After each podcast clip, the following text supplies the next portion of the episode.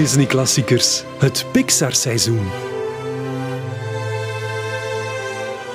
Elke aflevering bespreekt Robin Broos een Pixar-film samen met zijn centrale gast. Welkom in de 94ste aflevering van Disney Klassiekers. Vandaag met een radiopresentatrice bij Radio 1. Je kan ze deze zomer opnieuw horen bij Sporza Tour. Ze is momenteel redacteur bij De Wereld van Sophie en ik heb het over Babette Mone. Hallo. Dag Babette. Hallo, dag Robin. Um, wij kennen elkaar al een tijdje, vooral online. Ja. Tot je mij op een bepaald moment gebeld hebt. Dat was nog voor een ander programma op Radio 1, waar je mij vroeg, uh, kan je een paar muzikale weetjes geven voor het programma waar ik aan het werken ben? Ja. En na een half uur bellen heb je besloten, we gaan daar een uurprogramma van maken. Ja, kijk. Toen had ik nog iets te zeggen, dus ik dacht, dan ga ik maar ineens de, ja, nee, uh, dat ging over Disney natuurlijk. Hè. En als ik jou daar dan over hoor vertellen, gecombineerd met mijn eigen passie voor Disney, dan dacht ik, kom, dit is een once-in-a-lifetime event. We gaan een uur uh, Disney-muziek draaien op Radio 1. En dat is bevallen bij veel mensen. Dus ja, de vraag ik hoop is, dat er een herhaling komt. Ja, waarom doen we dat niet vaker? En vooral ook, en daarom dat het zo mooi was, uh, dat voorgesprek, ik zat toen in ja, Disneyland Parijs. Dat herinner ik me nog. en ik was heel jaloers, want ik was er op dat moment nog nooit geweest. Maar even later wel. Ja, met Ja. ook tips van jou. Hè. Dus dat Ja. vond ik ook heel leuk. Dat ik dan echt gewapend met eh, een heel lang bericht kon zeggen: Ja, en dit moeten we zeker doen. En oh, wisten jullie dat dit. eh, Ja. en zo. Dus ja, ik, ik had graag een persoonlijke rondleiding gehad. Ik hoop dat dat er ooit nog van komt. Maar dit was second best eigenlijk. Wanneer gaan we dat doen? Eh, na de tour? Nee, dan is het te druk in de zomer. Misschien zo september of zo. Ja, dat is een goed idee. Laagseizoen. Dan, dan begint Ja. zo de honderdste verjaardag. Maar enfin, kijk, het gaat altijd druk zijn. Ja, maar Dat is nu ook wel gewoon nu eenmaal Disney. Maar zeg, hoe, hoe belangrijk was eh, Disney in jouw leven als kind? heel belangrijk. Eh, ik zeg het niet vaak, eh, zeker niet meer op deze leeftijd, maar ik heb zo het gevoel dat ik zo exact de juiste leeftijd heb. In die zin dat ik ben opgegroeid met zo de echte Disney-klassiekers op de VHS-cassettes van mama en papa gekregen, met dan ook echt zo ja, de Nederlandstalige versie, toen dat nog echt kwaliteit was. Eh, en ah, ja, sorry. Nee, nee, nee. Dat, ja, ik, ik ben het, nee, nee, ik ben het daar, mee, uitgeknipt ben het daar worden. volledig Maar ja, mee eens. dat, dat- ja, dat- ja. je merkte toen, dat waren echt topacteurs. Waren die- stemacteurs, het waren niet gewoon BV's. Nee, dat waren echte, echte eh, ja, professionele mensen. En ook die liedjes werden supergoed vertaald. Dus ik ken heel veel van die echte Disney-klassiekers in de Nederlandstalige versie. eh, bijna van buiten. En dan net toen ik oud genoeg begon te worden om zo de double entendres van eh, de Shreks en zo te snappen, toen kwamen die. Dus ik heb echt zo, heb ik het gevoel, de perfecte leeftijd om mee te groeien met al het moois dat Disney te bieden heeft. En dat is voor mij heel veel. Ik, ik vind dat fantastisch. Dus inderdaad, het is een schande dat ik pas een jaar geleden in Disneyland geraakt ben. Maar eh, goed, ja. Maar dat zegt echt niks over een mens. Eh, wat wel iets zegt, is welke VHS je het vaakst gedraaid hebt. Welke VHS was eigenlijk bijna onafspeelbaar geworden. Ehm, ja, wij waren met veel kinderen thuis, dus dat was altijd een compromis zoeken. Ik denk dat voor mij persoonlijk dat het Aladdin of de Kleine Zeemermin zal geweest zijn. Maar Jungle Book en de Leeuwenkoning waren ook heel veel gespeeld. Dat waren dan meer de favorieten van mijn broers. En de meisjes trokken dan meer naar... De prinsessenfilms. Ja. Ja. Was het omwille van de prinsessen of omwille van de prinsen erin? Mm, Een combinatie, denk ik. ja. Ja? Erik of Aladdin? ja, dan toch Aladdin. Daar moet ik echt niet over nadenken. Ja? Ja, komt ja met dat vliegend tapijt. En een nieuwe wereld. Iemand die een nieuwe wereld laat zien. Ja, Ja. prachtig toch? Ja, ja, absoluut. absoluut. De- Ja, de tekenfilm vond ik ook heel goed. Ja. Maar de remake vond ik dan weer. Minder. Maar, ja, enfin. De Kleine Zeemermin, daar vond ik de remake dan weer wel heel Ik goed heb van. hem nog niet gezien. Ja. Ik ben heel benieuwd. Maar als jij zegt dat het moeite is, dan... Ja, ja, ik vond van wel. Ja, ja laten we het gewoon daarop, daarop... Je had de juiste leeftijd, dat is waar, voor zo die 90s... Ja. eh, Golden Age of Disney, de Disney-renaissance. Maar in die periode is er ook wel iets komen tussen fietsen.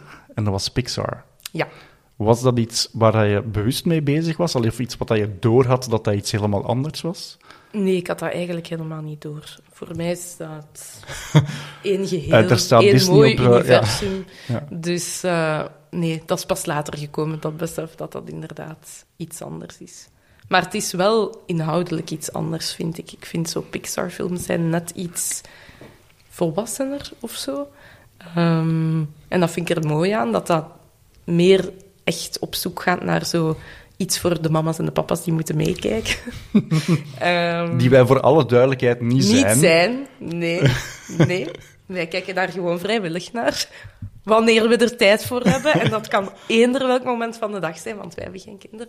Dat is het Maar- mooie, ja. Ja, dat is het mooie. Hè. Ehm, ik vind dat Pixar zo nog misschien net iets meer zo echt ja, de, de absolute verwondering probeert te bewaken, terwijl Disney misschien iets meer recht toe recht aan meisje ongelukkig, jongen komt, Ja, ja. meisje jongen gelukkig. Met een boodschap, Ja, zeemzoeterig en met Ja. een moraal. inderdaad. Terwijl bij Pixar het soms ook wel eens gewoon echt fantasie mag zijn. Ja, Ja. ja, fantasie, maar altijd toch met heel veel maatschappelijke relevantie of zo. En niet te dik erop gelegd, dus je hoeft het er niet in te zien. Maar als je het wil zien, is het wel een hele mooie plus. Ja, ik ben benieuwd wat dat we er vandaag gaan uithalen.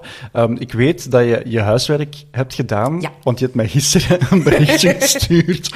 Huiswerk serieus aan het nemen. Eerste keer in mijn leven. Ja, mogelijks. Ja, en dan een foto van de tv, Ja. waar je Luca, de film voor vandaag, eh, aan het bekijken bent. Ja, Ja. ik wou dat toch nog eens Dat je- recent gezien hebben, want ik... ik ja. Ja, maar dat apprecieer ik, dat apprecieer ik enorm, want ik ben dan eigenlijk ook plichtsbewust ook opnieuw beginnen Ah. kijken. Eh, maar wat mij een beetje verontrust, eerste keer in mijn leven. ja, dat is misschien voer voor eh, een andere podcast. Ik ging Maar- niet graag naar school.be. Eh, ja, ik, ik, ik moet zeggen, ik, ben, ik heb kunsthumaniora gedaan en dus de kunstvakken vond ik wel heel leuk. Maar zo wiskunde en zo, ja, nee, dat was niet aan mij besteed. Nee. En nu sta ik elke dag in de radiostudio te tellen hoe lang het nog is tot de VAR. En denk ik, had ik toch maar iets beter opgelet bij hoofdrekenen. Maar goed. eh, En ja, de VAR, voor goed. alle duidelijkheid, is, Is de, de reclame, en niet Ja. de... ehm, De schets. Ja, maar ja, dat is... Inderdaad, de reclame. Ja, maar gewoon voor wie, voor wie de mediacontext niet kent, gewoon even schetsen. Ja. Ja, ook mediacontext. Ehm, we hebben eigenlijk al lang gezegd dat we samen in de Aperol Spritz zouden duiken. Ja, kijk. We gingen, eh, wie weet, misschien zelfs ooit gewoon eens Chloe van de klantendienst meenemen. Ja. Dat is vandaag, denk ik, niet gelukt. Maar eh, er is wel Aperol. Ja. En dat klopt En ook dat wel. moest. Ja, toch? ja. Gewoon. want de film speelt zich af ook in het land van herkomst van niet alleen Aperol, maar ook van de film Luca, Italië. Yes. Een van de mooiste landen, hè, met een van de lekkerste drankjes. Dus dat is misschien ook meteen reden één dat ik voor Luca heb gekozen. Omdat ik, ik ben wel echt een Italofiel, zoals dat dan heet. Ik vind dat echt een fantastisch land, een prachtige taal ook. Ik Maar spreek ben- je het dan ook? Ik spreek ook Italiaans, ja. Eh, ik heb zeven jaar Italiaans gedaan op het CLT in Leuven. Wauw. Naar Michela, mijn, mijn lerares. Ehm, ja, en eh, dat, dat kwam omdat ik destijds een, een Italiaans lief had. Ik ben daar acht jaar mee samen geweest en ik heb zeven jaar lang geprobeerd om, eh, om de taal te leren voor elke zomer dat we dan naar eh, de familie gingen. Ehm, die, die relatie is niet blijven duren, maar de liefde voor Italië die gaat nooit meer stuk. Dat En die zeven jaar waren binnen die acht jaar. Ja. Het is niet dat je achteraf nog bent blijven doorstuderen. Nee, want toen was het gewoon gedaan. Ik denk dat mocht het kunnen, mocht de opleiding verder gaan dan dat, dan zou ik het misschien wel nog doen, want ik vind het heel leuk om het te onderhouden. En ik merk ook wel dat het nodig is, want nu, ja, als we eens naar Italië gaan, heb ik altijd een dag of drie nodig om terug te acclimatiseren en te durven spreken. Dus zo een conversatieklas met een aantal toffe mensen die Italiaans spreken in het Leufse. Als er mensen zijn, hit me up. We kunnen misschien samen aperols drinken en Italiaans praten. zou ik superleuk vinden, ja. Ja, waar moet je dan in Leuven zijn om goed Italiaans te eten? Ehm, de beste Italiaan van Leuven zou nu naar het schijnt, en dat is echt nieuw nieuw, voor Betto zijn in Heverlee. Ik ga er morgen eten, dus ik kan je dan laten weten of het de beste Italiaan van Leuven is. Maar eh, anders bijvoorbeeld La Stanza in Leuven is heel tof. Dat is ook een Zuid-Italiaan die ook heel graag odes brengt. Dus als je zegt dat je jarig bent, dan komt hij in het Italiaans een prachtig lied aan je tafel zingen. Ja. En dat is een beetje gênant, maar ook heel mooi. En tegelijk, jij weet dan ook echt dat hij voor jouw verjaardag aan het zingen is en niet compleet anders. Ja, ja inderdaad. Dus hij, maar hij zingt niet happy birthday of zo hè, in het Italiaans. Hij maakt er echt een soort van... Ah, wauw, iets persoonlijks. Ja, iets, iets persoonlijk wat hij op dat moment denkt of voelt als hij in uw ogen kijkt, weet ik veel. En dan, ja. Oké, bijzonder. bijzonder. Ja, we gaan het eh, vandaag hebben over Luca, Ja. dat zich afspeelt in een fictieve Italiaanse stad. Maar als ik het goed begrepen heb, want ik spreek zelf geen Italiaans, is het wel met ontzettend veel liefde gedaan, niet alleen voor het land, maar ook voor de taal, voor de cultuur. Ja, ik vind dat dat heel erg opvalt. Dat dat echt zo... Dat is voor mij bijna die film is een reisje naar Italië. En zo op de best mogelijke manier. Want er zitten natuurlijk wel wat clichés in. Hè. Een, een triathlon is daar dan ineens zwemmen, fietsen en pasta eten. Eh, dus dan zou je kunnen zeggen, Ja. goh, een beetje aangebrand misschien. Maar ik vind dat het met zoveel liefde gedaan is. Het is echt niet zo de typische uitlacherige, ah, wij zijn Italianen en we praten allemaal zo. Dus er is één iemand die op die manier praat en dat is ook gewoon de zak van de film, die een Ercole, eh, die iedereen gewoon moet haten. Dus dan klopt dat gewoon heel hard. En voor de rest zijn dat allemaal heel mooie, toffe mensen in een prachtige setting die inderdaad enorm veel van pasta houden. Maar ja, goed, wie houdt er nu niet van pasta? Dus dat is niet iets uitsluitend Italiaans, denk ik. En er worden ook veel Italiaanse woordjes en uitdrukkingen tussen gemoffeld, die heel leuk zijn om, eh, om te horen. En ja, vaak ook. En dan mopjes, bijvoorbeeld Julia vloekt altijd en zegt dan Santa mozzarella. En dan de volgende keer is het Santa ricotta. En de volgende keer Santa gorgonzola. En dat zo, dan denk je, ja, dat zijn kazen. Maar tegelijkertijd heb je toch zo dat idee van, ja, ze is... eh, ze is aan het vloeken, ze is met iets bezig. Dus ik vind dat wel heel mooi. Wat denk je dat de modale kijker die grappen door heeft? Want ik heb het eigenlijk ook maar doorgehad met er nu mij over in te lezen. Ik weet het niet, maar dat vind ik net het mooie, dat het dan toch zo dat dubbele is. Als je het niet mee hebt, is het niet erg. Maar als je het wel mee hebt, dan is het ineens nog zoveel rijker en mooier. En ja, vind ik fantastisch. Ook de manier waarop dat is vormgegeven. Dat dorpje, dat is echt... Ja, ik, ik, ik zou er zo naartoe willen. Ook al bestaat het niet, hè, maar dat is echt zo het Italiaanse dorpje. Maar het is wel gebaseerd op bestaande eh, badsteden Ja. in Italië. En het is ook gemaakt door een Italiaan, door eh, Enrico Casarosa. Die daarvoor al, want die werkt al langer bij Pixar, maar die heeft die heel mooie kortfilm gemaakt, La Luna. Ah ja, dat zegt mij iets. Zo een jongetje die met zijn papa en zijn opa in een bootje zit. En op een bepaald moment pakken ze hun ladder. En dan kunnen ze de ladder uittrekken tot aan de maan. En dan moeten ze daar op de maan zo wat gaan vegen. Want blijkbaar, elke nacht moet dat Italiaans gezin ervoor zorgen dat de maan een bepaalde stand heeft. Juist, amai. Ja, dat was ik echt al, al vergeten. Ik had de link ook niet gelegd. Maar dat verklaart natuurlijk wel misschien de fascinatie voor de sterren en de maan. Want die spelen ook een rol hè, in, in de film. Dat Alberto op een bepaald moment zegt... Ja, dat zijn allemaal anchovissen. En dat die naïeve Luca dan denkt... Oh, wauw, allemaal anchovissen. En dat Julia hem dan moet uitleggen. En nee, dat zijn vuurbolletjes. En als hij een soort van hallucinatie heeft, dan ziet hij dat Ja, ook. dat vind ik prachtig. Die Dat- droomwereld waar hij altijd zo meteen met één vingerknip kan die precies zo in zijn dromen verdwalen. En dat vind ik, dat vind ik er ook zo mooi aan. Dat echt zo...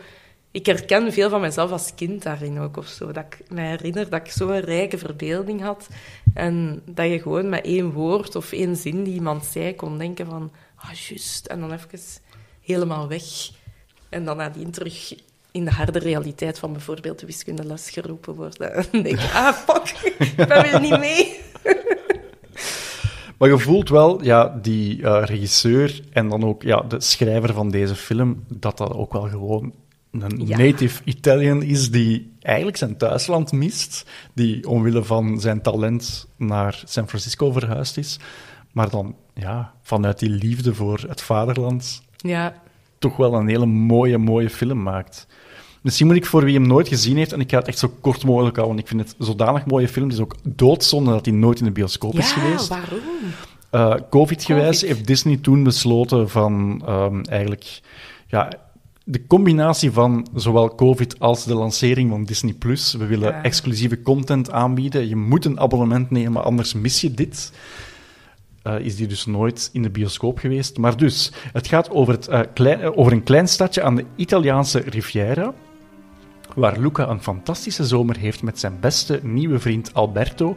Er is wel één eh, eh, erg groot geheim dat ze verborgen moeten houden voor iedereen, namelijk ze zijn geen gewone jongens, maar zeemonsters. Echt, Ja. wat een fantastische premisse. Ja, eigenlijk wel. En tegelijkertijd zo, ja, een beetje dun of zo. Als je het op die manier hoort, dan zou ik misschien al denken van, oei, moet ik wel kijken, want een fantastische zomer met twee vriendjes. Het Maar klinkt wel een beetje ja, eh, toch? Call Me By Your Name. Ja. ja, inderdaad. Zo, ook zo die, die hemdjes Die en die shortjes. ja. En het Ja, heeft, er zit ook wel iets queer aan of zo, hè? ik vond dat ook. denk ik. Ja. Heb ik toch het idee. Ik weet niet of dat de bedoeling is, dat heb ik er nu... Ehm, mijn ervaring met dit soort van films is dat eh, nog Disney, nog Pixar dat letterlijk durft te benoemen. Ja. En ik heb ook niet de indruk dat de regisseur ehm, dat er per se in wou steken. Hij zegt altijd dat hij als kind zelf een goede vriend had en die heette ook echt Alberto. En daarom dat Luca niet Enrico heet zoals hij zelf heet, want dat zou too obvious geweest zijn. En Luca is ook wel een meer internationale, Ja. dat klinkt overal. Ehm, maar dus hij was zelf een soort van introvert persoon die wel geïnteresseerd was in de wereld, maar wel iemand nodig had die hem af en toe een duw gaf om zo het avontuur op te zoeken. ja. En dat is die in Alberto ook wel zo. Hè, van, ja, we gaan nu dat doen. En een ander loopt Ja. daar zo wat achter van, wauw. Die heeft, Luca heeft ook gigantisch grote ogen. Alsof wat hij Ja. daarmee symboliseert dat hij verwonderd is over alles wat hij ziet. Ja, en ook zo die naïviteit van, ah, Alberto zal het allemaal wel weten, terwijl die Alberto weet niets. Dat is een jongen die, die is heel stoer en die heeft voor zichzelf een verhaal gemaakt, ook over zijn, zijn vader blijkt dan achteraf. Hè. Dus die heeft eigenlijk een heel triest verhaal, maar die lijkt zo stoer en zo cool. En dus die heeft voor meteen een uitleg. Ja, ja, maar dat zit zo en dat weet ik wel. En dat vind ik ook zo mooi, dat die Luca daar eerst heel bijna devoot achteraan loopt. En zo van, amai, deze man gaat mij de wereld tonen. En dan komen ze bij die Julia. En blijkt eigenlijk dat zij, de underdog, meer zijn soort mens is. En, en dat zij twee meer een vibe hebben samen dan, dan Alberto en hij. En dat vind ik dan wel heel interessant, ook zo die driehoek die tussen hen ontstaat. En die Alberto die dan eigenlijk niet goed weet hoe hij daarmee om moet. Want eigenlijk is dat een heel onzeker figuur, hè, die Alberto. En ergens vind ik het bijna... Het had even terecht geweest als de film Alberto had geheten voor mij. Het had misschien minder geklonken, maar zo op het, helemaal op het einde is het voor mij bijna belangrijker om te weten, is Alberto oké? Omdat hij zoveel shit heeft meegemaakt en zo'n verhaal voor zichzelf heeft gemaakt en zo'n harnas tegen de wereld heeft gezet, dat ik eigenlijk bijna meer met hem mee voelde dan van, van Luca. Wist ik, die komt wel... Dat is een intelligent manneke met de juiste dosis verwondering. Die komt wel op zijn pootjes terecht. Maar zo die Alberto, daar maakte ik mij echt zo wat zorgen om of zo. En ja, ik, vond, ik vind dat hij een heel mooie ontwikkeling doorheen de film doormaakt. Zo. Dat mysterieuze, coole, koude, bijna zo het Instagram-model waarvan we allemaal moeten geloven dat hij perfect is en alles weet en alles kan. En dan, als je hem lang genoeg volgt, bij wijze van spreken, kom je er ineens achter van oeh, dat is hier allemaal façade. En dat brokkelt langzaam af. Dan die boosheid van, je komt niet achter mijn muur. En dan nadien ja, komt hij er toch zo mooi uit. En dan denk ik, dat is eigenlijk, ja... Ik ben dat toch een film op zich. En Ja, het dat is is dan waar. maar een bijpersonage. En dat toont voor mij wel aan hoe goed die film is. Dat het niet alleen Luca is die mooi eh, Ja, uitgewerkt is. ik denk, mocht de film Alberto geheten hebben, dat die eh, op Minder de... aantrekkelijk. Ja, en op de Vlaamse markt, ik moet dan denken aan Samson echt. obese kapper Ja. met een roze kappersjas. Dat is waar. Dus het is wel, het, marketinggewijs is het inderdaad de betere keuze om uh, Luca het hoofdpersonage te maken. Maar ik vind ja, die Alberto wel een heel mooi figuur ook. Dus gewoon voor even wie niet helemaal kan volgen. Luca heeft wel effectief een familie onder water. Die zijn allemaal zeemonsters. Wanneer hij, wanneer hij of ja, eigenlijk iedereen van de zeemonsters, wanneer die boven water komen, dan uh, zien die eruit als, mensen. Maar wanneer ze terug uh, bevochtigd worden, dat klinkt zo ineens zo raar. Wanneer het er ja, eigenlijk gewoon, gewoon nog maar een spet water op invalt, dan, uh, dan zien ze er terug uit alsof dat, toch dat stuk lijf lijkt ja. terug een zeemens of een zeemonster. Ja. En het is Alberto die, waarvan dat we aanvankelijk niet echt weten van, van waar komt hij eigenlijk. Ja. Ja, want die lijkt daar dan zo heel alleen te leven op een soort van gigantische toren met allemaal mensenspullen. En hij zegt dan van, ja, ja, maar mijn papa heeft me dat allemaal geleerd en uh, mijn papa heeft het allemaal verzameld. En, maar die papa is daar ook nooit. En hij is wel een beetje ouder dan Luca, want ik schat Luca misschien 12 of zo, ik weet het niet. En Alberto zal misschien 16 zijn, maar wel nog altijd een figuur die misschien toch best af en toe zijn vader uh, te zien krijgt. En we krijgen die nooit te zien, maar je neemt dat zo aan, omdat hij dat met zoveel zekerheid zegt. En dan ja, neemt hij Luca eigenlijk helemaal op sleeptouw en, en is Luca helemaal gebiologeerd door, amai, wat een nieuwe wereld toont die man mij hier en die weet er alles van. En dan beslissen ze om samen een Vespa te proberen uh, te pakken te krijgen. En ja, we hebben daar geld voor nodig, want met een Vespa kunnen we heel de wereld zien. Ook zo hilarisch, want je raakt er echt nergens mee natuurlijk. Maar die jongens, ik vind dat fantastisch. En dan gaan ze dus inderdaad naar Porto Rosso om uh, geld te proberen verdienen door aan die triathlonwedstrijd mee te doen, de Porto Rosso Cup, om geld in te zamelen voor hun, hun Vespa. En daar onderweg blijkt dan inderdaad dat die Alberto, ja, dat die helemaal geen mag ik dat zeggen? Ik weet het niet. dat hij helemaal geen, geen vader meer heeft en al heel lang niet meer. En dat hij gewoon alleen is en maar voor zichzelf een verhaal gemaakt heeft waar hij zich goed bij kan voelen. En dat hij eigenlijk Luca ook een beetje nodig heeft om zichzelf die bevestiging te geven van ik ben wel iemand en ik weet wel iets, want die weet dus echt maar niks over de wereld. En dat is zo schattig dat hij dat dan ook niet wil leren. Want ze komen dan Julia tegen en dat is een heel intelligent meisje die naar school gaat in Genova en, en heel veel boeken heeft. En Luca wil die allemaal lezen. En die Alberto zegt, ik hoef dat allemaal niet te weten. De sterren, dat zijn wel anchovissen. Dat interesseert me wat er in die boeken staat. En dat vind ik zo schoon dat hij ja, zo zijn eigen waarheid heeft gemaakt. En toch daaraan moet vasthouden bijna om om te blijven bestaan eigenlijk bijna. En Lucas zit daar zo wat tussen, want die heeft nog geen waarheid. Die heeft gewoon van zijn ouders gehoord, pas op. Alles wat je doet. Ja, en ga vooral niet boven water. Ga vooral want, niet boven water, want dat zijn daar vreselijke landmonsters, noemen ze het dan zeker. Dus daar mag je echt niet naartoe en je moet toch goed uitkijken. En dat is ook iets wat, wat ik er heel hard in herken. Zo die, het, het feit dat uw ouders altijd alleen maar het beste voor u willen. En, en u waarschuwen voor wat er daar buiten is. waarschuwen voor alles wat er daar buiten kan fout gaan. Maar tegelijkertijd ja, moet je soms, om volwassen te worden, je eigen fouten kunnen maken. En dat zijn vaak exact dezelfde fouten als uw ouders gemaakt hebben. En dat is de reden dat die tegen u zeggen, doe het niet. Maar soms moet je zelf tegen een paal rijden om te voelen van, ah ja, juist. Wow, en... beter niet gedaan. en zo zijn we eigenlijk op minder dan 20 minuten heel erg ja, tot de essentie gegaan van wat een Pixar-film met mensen kan doen. Um, wat ik er zo mooi aan vind, is inderdaad, die, die Alberto heeft zo'n eigen realiteit gecreëerd. Die, die, geeft, die geeft een, een, reden aan alles, die heeft een uitleg voor alles. Ook al weet hij waarschijnlijk deep down dat het misschien niet allemaal klopt. Maar, eh, en, en hij kan Luca daar ook van, uh, van overtuigen. En het mooie is wanneer we dan zo even die hallucinatiemomenten of die dromerige momenten hebben, zoals we het daar juist al hadden, hè, over um, um, de, vissen, de, de anchovissen. Ja. Maar eigenlijk is het ook bijvoorbeeld wanneer hij begint uit te leggen van ja, en Vespa's, en dat is iets supercool. En op een bepaald moment dromen ze allebei van Vespa's. En dat is zo precies alsof die zo in het wild leven, alsof ja. dat dieren zijn of zo. En die beginnen zo rond te zweven. Kijk, wilde Vespa's. is dat... En dat maakt dat zo mooi. En dat, dat is ook wel best uniek aan dit soort van film, waar Pixar-films proberen wel vaker van zo, uh, toch zo realistisch mogelijk te zijn.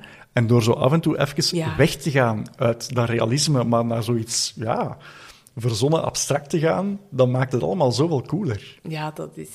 Dat is en dat maakt ook vind ik dat je nog veel meer voelt van dit, is, dit gaat echt over kinderen en kinderlijke verbeelding en hoe belangrijk dat dat is. En dat is, ik vind dat altijd maf dat dat dus effectief door volwassenen gemaakt wordt, want ik ben dat volledig kwijt.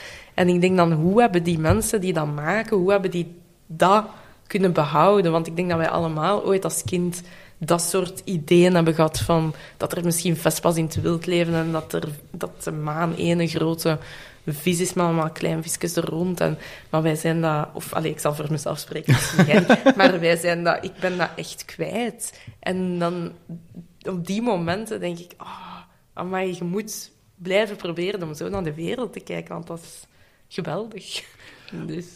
Maar het is natuurlijk wel niet zo'n eerlijke vergelijking. We zitten in jobs waar dat van ons verwacht wordt dat wij de waarheid naar buiten brengen. In de, van het, ja. ja, het zou me niet in dank afgenomen worden als ik ineens zou gaan beweren dat, ik wilde Vespas gezien heb op vakantie.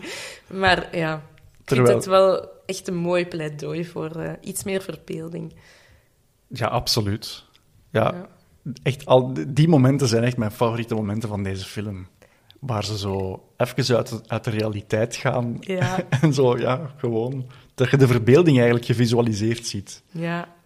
Dat is echt... Uh, ja, ja voor mij is de combinatie natuurlijk, want ja, de realiteit is dan Italië en I love it. Dus voor mij kan het nooit stuk. Dus, uh. Porto Rosso. Ja. Dus een fictieve havenstad. De naam is wel geïnspireerd op een andere film Oh. En dat is een Japanse film. Blijkbaar is uh, Enrico eh, Casarosa grote fan van Studio Ghibli. Dat is een Japanse tekenfilmstudio. En die hebben ooit een film gemaakt. En uh, in het Engels heette die Porco Rosso. Ging over een varken. Maar vond dat, ja, Er zitten heel veel knipogen naar die studio in deze film. Oh. Maar bijvoorbeeld, dit is ook zoiets. Gewoon die twee woorden aan elkaar geplakt. Net iets anders uitgesproken. En je hebt plots uh, alsof het een havenstad is. Ja, het klinkt geloofwaardig. Hè? Want ik had inderdaad de, de knipoog helemaal niet door. Ik ken die filmstudio ook niet. Maar je zou zo geloven dat het bestaat, de Porto Rosso in Italië. Tuurlijk wel. En zelfs de Porto Rosso Cup, tuurlijk. ja. Het ging eerst de bijnaam zijn van Luca. Dan is er toch maar besloten van dat niet te doen. En ja, het stadje had nog een naam nodig, dus het klopte ineens. Ja, klopt helemaal inderdaad. En je ziet er dan ook zo'n aantal van die roodgeverfde huizen staan. Dus ik dacht, oh ja, dat zal daarmee te maken. Geen vraag weggesteld. ik geloofde het meteen. Er staat zo op Disney Plus ook zo een, een korte, of ja, het is niet echt een documentaire, maar een soort van making-of, die dat 15 minuten duurt, waar dat ze tonen hun, hun research, uh, study, uh, field trips, dat ze gedaan hebben naar ah. Italië. En, en dan zie je ook echt dat er zo van die geweldige steden bestaan, die in de hoogte, op kliffen eigenlijk... Aan de Amalfitaanse kust. Ja. Zo, ja. En dan zie je zo, um, ja, eigenlijk animatoren die met hun gsm of met zo'n klein aan het filmen zijn, maar zo zelfs op, op lagere hoogte, want we zien het door de ogen van kinderen, en dan zo door de straten lopen om dus tijdens die, uh, ja, tijdens die race, dat ze dat perfect kunnen animeren zoals dat zou kunnen zijn in zo van die smalle straatjes. Want dat verzint je niet. Hoe dat die straatjes zijn, hoe dat, hoe dat, hoe dat die, die steden effectief echt gebouwd zijn. Dat is helemaal anders dan de vreselijke lintbebouwing die ja, wij ja, in Vlaanderen kennen. Ja, en zo cool toch dat je dan dat gewoon mag gaan doen, dat dat je job is om dan te zeggen, ja, ik ga eens naar de Amalfitaanse kust met mijn camera op heuphoogte rondlopen en gewoon eens zien wat dat geeft. Heerlijk. Dat is wel iets anders dan zo vermeende filmjournalisten opbellen en vragen wat zou jij over Disney willen vertellen? Dat was een van mijn mooiere werkdagen. Ach, ik denk nu wel... ja, enfin, ik denk We hebben wel een heel mooie job. Het zal wel zijn. Absoluut. Ja. Maar de baas mag ons altijd vragen om naar Italië te gaan, om met camera op heuphoogte te gaan kijken hoe dat allemaal Amalfitaanse kust eruit ziet. Ik ga geen nee zeggen. Hey, sowieso. En de baas mag ons ook altijd vragen om, en misschien moet dit gewoon een open oproep Als je zijn. aan het luisteren bent. Ja, beste Jan, beste Fien. Ja, wie weet luisteren jullie mee. Het mag. Ehm, ik denk wel dat wij een heel cool programma zouden kunnen maken. Ik denk het ook. Ja. ja. En niet alleen over Italië. Nee. Gewoon over alle dingen die cool zijn en populair zijn en cultuur zijn. Ja, sowieso. Populaire cultuur. We doen dat te weinig. Ja. Oké, bij deze Dit kleine pitch tussendoor. Ja, wie, wie weet. Huur Wie- ons. Betaal ons. We doen het graag. Desnoods in de zomer. Ik vind dat niet erg. Ik heb Ik geen kinderen, niet. jij ook niet. Ik ook niet. Voilà, Nee, hey, dat zou keigoed zijn. Voilà. Er zijn altijd gaten te vullen in de zomer. Ja. Misschien is er een gat voor een populair cultuurprogramma met eh, Robin Broos. Ik hoop het. En Babette Monen, ja. Ja. maar we, ja fijn. Ah, fijn. We zijn eh, een beetje Ja. aan het afdwalen. Ik wil het over iets helemaal anders hebben. Over het feit wanneer Luca zijn eerste bord spaghetti eet. Ja, prachtig. Ja. Met de handjes. Ja. En op het einde laat hij een geweldige boer. Ja. En de stemacteur vond dat zo cool dat hij dat mocht doen. Want dat is blijkbaar een van zijn specialiteiten om Oh op my- commando te boeren. Zou je daarom ook gecast zijn, toch niet? Zo van, we zoeken iemand met de perfecte boer. Oh, wacht. In deze stapel cv's heb ik... Dit is cruciaal voor het script. Als. Nee, ik weet wel dat hij dat opgenomen heeft thuis. Want Ah, oh. door COVID Ja. kon hij niet naar de studio gaan en dan moesten de stemacteur zijn dingen van thuis opnemen. Ah, Wat niet tof is, denk ik. nee, dat denk ik ook niet. Ik denk dat het net tof is dat je zo die Pixar-studio Ja. binnenkomt, dat je die tekeningen overal ziet hangen. Ja, dat is toch een andere sfeer. Maar misschien om zo'n luide boer te laten, dat dat wel meer uit de comfortzone kan komen als dat eh, in de beslotenheid van je eigen keuken is of zo, dat je dat kan doen. Hoewel, ja, maar als hij er zo graag mee opschept Ja, dat hij dat het waar. kan, dan lijkt het me nu toch wel iets... Nee, dan moet hij het overal kunnen. Ja. Wat denk ik wel echt buiten zijn comfortzone was, is ja, Luca is eigenlijk een soort van onderwaterherder. Ja, Dat vond ik eigenlijk al bijzonder hilarisch. om- concept. Dus die moet passen op 24 vissen. Dat is trouwens niet toevallig gekozen. Het Ah. zijn 24 vissen, want het is de 24e Pixar-film. Ik heb het ook maar gelezen, hè? ergens online. Maar dat, vind ik, dat zijn een soort van details Ja. waar ik wel voor leef. Dat vind ik heel cool dat daar op die manier, als we er dan toch een aantal moeten hebben, dan doen we iets met betekenis. Nice. 24.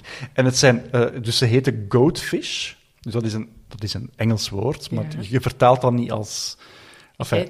Nee, nee eh, dat heet eh, zeebarelen. Oh, Sorry, zeebarbe zeebarbelen. Ja, nog nooit van. ik ken de soort ook niet, maar goatfish vind ik wel heel grappig. Ja. En zeker als je dan bedenkt dat die ja, Engelstalige Effectief, makers ja. daarover nadachten van ah ja, maar wacht, ja, dan moeten we misschien zoiets van een kudde van maken. En die moet je dan allemaal in het gareel krijgen. Ja, want het is Heel totaal grappig. onduidelijk waarom hij die moet hoeden. Want ja, van schapen kun je zeggen, die geven wol of, of zelfs nog schapenmelk. Maar wat doen ze met die vissen? Dat is Ja. niet duidelijk. En sommigen hebben ook namen. Ja, inderdaad. Allemaal ook zo mooi op O eindigend. En En ook eentje Mona Lisa. Mona Lisa, stop smiling, zegt hij dan. Of why are you smiling? Geweldig. Ik- Ja. En dan zitten er drie kleine visjes in. Ja. En gewoon al zoiets, want ja, dat is dan een referentie die ik ook begrijp. Maar ik merk, merkte ook wel heel vaak, hier zitten knipogen in naar de Ja. Italiaanse taal, die ik dan echt niet doorheb. Dus ik vermoed dat die film zoveel Ja, rijker wordt echt, ja. als je, als je er nog meer van weet. Het ja, ik, vind dat ook wel echt een leuke meerwaarde. Ik vraag me wel altijd af hoe het in, op echte Italianen overkomt. Want misschien dat die zich wel harder zouden storen aan zo... Zeg, wij praten niet allemaal eh, zo. Of eh, Santa Mozzarella, hahaha, ha, ha, ja, weet veel mozzarella. Ik weet het niet. Eh, ik vind het zelf heel tof. Maar dat is natuurlijk... Ja, ik ben geen, geen moedertaalspreker. Dus dat vraag ik me dan wel af. En ik vraag me ook af of ze dat zouden aangepast hebben voor de Italiaanse markt. Of niet. Dat is een goede vraag, ja. Want inderdaad, dat wordt dan vertaald, dat wordt gedubt. Zouden ze daar dan dezelfde Ja. jokes maken? Want voor een Italiaanse markt is dat misschien Ja, een beetje... minder grappig. Aan de andere kant, ja, het feit dat het een Italiaan is dat het gemaakt heeft, doet mij Ja. toch ook vermoeden dat hij vertrouwd is met de gevoeligheden. Ik zou het ook denken. En ik heb ook echt het gevoel dat het dus dat het wel heel slim gedaan is, omdat dus de, de bad guy uit de film is dan zo echt de cliché-Italiaan met het haar altijd prachtig achteruit, een soort van god met van die vreselijke, net iets te korte broeken met daar dan van die bootschoenen onder en dan zijn Vespa die hij heel de tijd mio carino noemt. En zo die, dat, dat hemdje dat dan zo wat open staat en daar dan ook nog een poloken over gedrapeerd in wol. Uh, dus dat is helemaal zo, dat is zo wat de knokkenboy van, van Italië, zo, van de Amalfitaanse kust. Dus ze hebben, ze hebben eigenlijk volgens mij alle clichés over Italianen, die de Italianen zelf ook haten, in de bad guy gestoken. Dus dat is eigenlijk geniaal, want Italianen kunnen daar ook mee leven, want fuck die Ercole, dat is geen van ons. Dat is degene die wij allemaal haten, want heel de wereld denkt dat wij zo zijn, denk ik. Dus in die zin zou het wel... Die wordt ook fantastisch gezet. Hè. Het moment dat je, die als, dat je hem de eerste keer ziet en hij ontmoet dan die twee, ja, dat hij niet weet, onderwater uh, mensen of personen dat hij die dan aanspreekt op hun kledij. Ja. En het lijkt een compliment tot hij hem binnenkopt. En ja. dan zeg maar, wacht, maar jij bent een smeerlap. Echt. Ja, wij gaan nooit vrienden zijn. Met u wil ik geen aperols drinken. Nee. Niet op een terras en ook niet aan de keukentafel van nee. Babette Moon. Nee, liever nee. niet. Zelfs niet tegen betaling. Gewoon, nee, die mag niet in onze show komen. Nee. nee, zo'n, echt, echt een etter. Zo, hè? En dan ook de manier altijd over hoe ze ruiken zeg je toch ook altijd als ze fishy, fishy ruiken. Dat is zo, ah ja, echt degoutant. Natuurlijk dan ook wel weer goed dat hij het letterlijk exact, in ja. heeft dat er iets niet klopt. Want tuurlijk zullen die wel naar vis ruiken. Dat zijn herders van vissen. Dus, maar, ze zijn zelf ze een zijn soort zelf van ook vis. een soort van vis. Dus dat moet wel ergens in die huid zitten, maar... Ja, want die hebben, ja, onder water hebben ze schubben. Ja. Ook dat vind ik heel mooi gedaan. Dat is prachtig, hè? Zeker als ze zo deels boven komen, dat je zo dan half mens, half zeemonster ziet zijn. Dat is en zo al die tinten blauw, zo blauw-groen. zo- Ja, oh. Maar daarom kleur. en al, ja. zonde dat dat niet op een groot scherm is vertoond. Hè? Ja. Want ook de schittering van de zee, de landschappen van Italië, dat is zo mooi. Ik denk dat dat op een...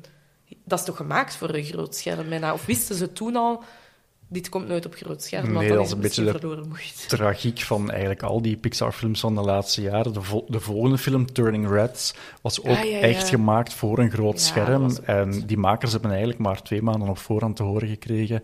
We gaan die ook rechtstreeks op Disney Plus zetten. Oh, Ja, en dan zit je daar met je film nog vol met details die je niet ziet. Je kunt dan ook de grootste tv hebben, maar je ziet dat niet. Ja, dat is heel erg jammer. ja. Maar er zitten natuurlijk ook wel gewoon veel details in die je niet per se moet zien. Nee. Ja, Alberto heeft een familienaam en dat is ehm, Scorfano. Ja. En dat is Italiaans voor schorpioenvis. Ja. Wist je dat? Ja, ik wist dat. Ik dacht schorpioen, maar het is dus blijk- blijkbaar schorpioenvis.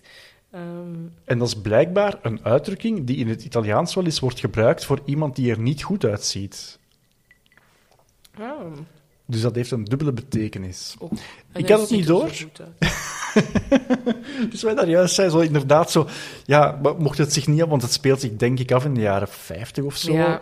Ehm, mocht het zich niet toen afgespeeld hebben, dan was het effectief zo'n Instagram-influencer geweest. Ja, toch. Ja. Ik denk dat echt. En ik Ja. denk dat dat ook een beetje is waar ze, ondanks het feit dat het inderdaad ver voor de smartphone-tijden zich afspeelt, dat dat misschien wel zoiets is waar ze wel zo op doelen of zo. Dat dat iemand zou kunnen zijn die ja, zo'n soort van influencer-functie heeft. Want het is wel...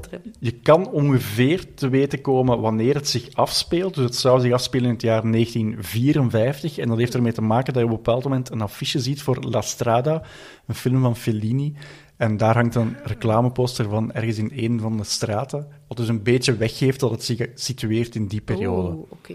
Ja, dat was dus een van de details die ik gemist heb. Maar ook dat is fantastisch dat zelfs die details Ja. daar op een of andere manier in zitten. Want je zou net zo goed kunnen denken dat het zich afspeelt in de jaren tachtig en dat Alberto eigenlijk een soort van Army Hammer is. Ja, inderdaad.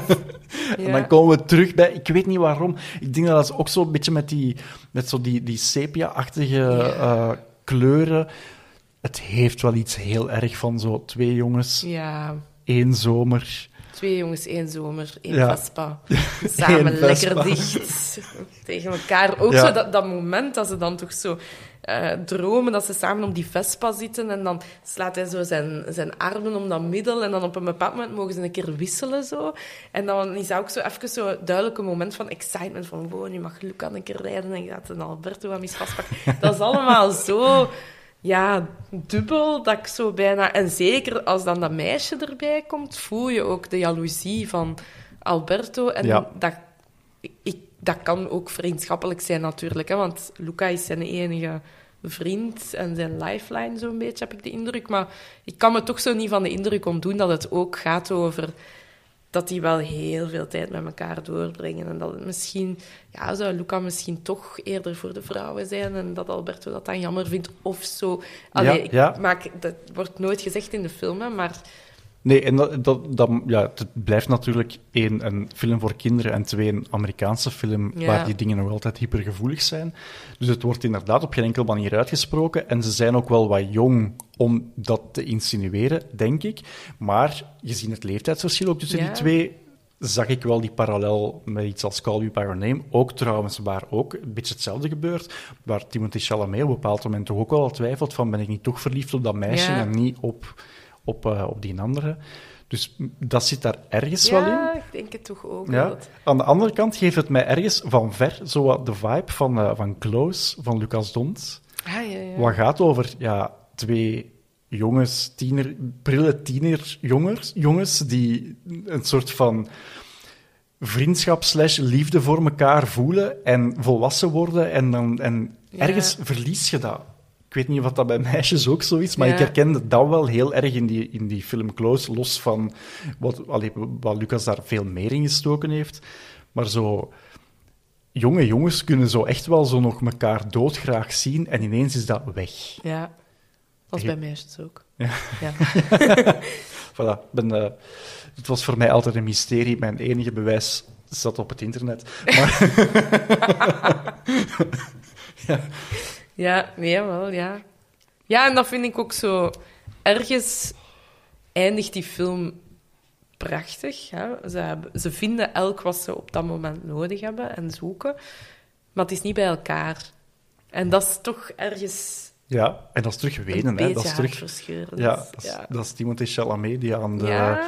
aan de haard zit en Ja, voilà, maar... weent op de tonen van Sufjan Stevens. Ja, weet niet welk nummer speelt er op het einde van Luca, maar ik weet het niet, misschien geen, maar inderdaad, zo die, die blik in zijn oogstjes, als hij dan... En dan vind ik het ook heel mooi dat hij eerst blijft kijken achter hem en dan ineens beslist van, nee, ga vooruit, mee met de trein en vooruit kijken en dan is het weg. En dan was ik heel blij dat er bij de aftiteling nadien wel nog zo tekeningetjes kwamen, dat ze elkaar nog briefjes schreven enzovoort, want dat had ik wel nodig.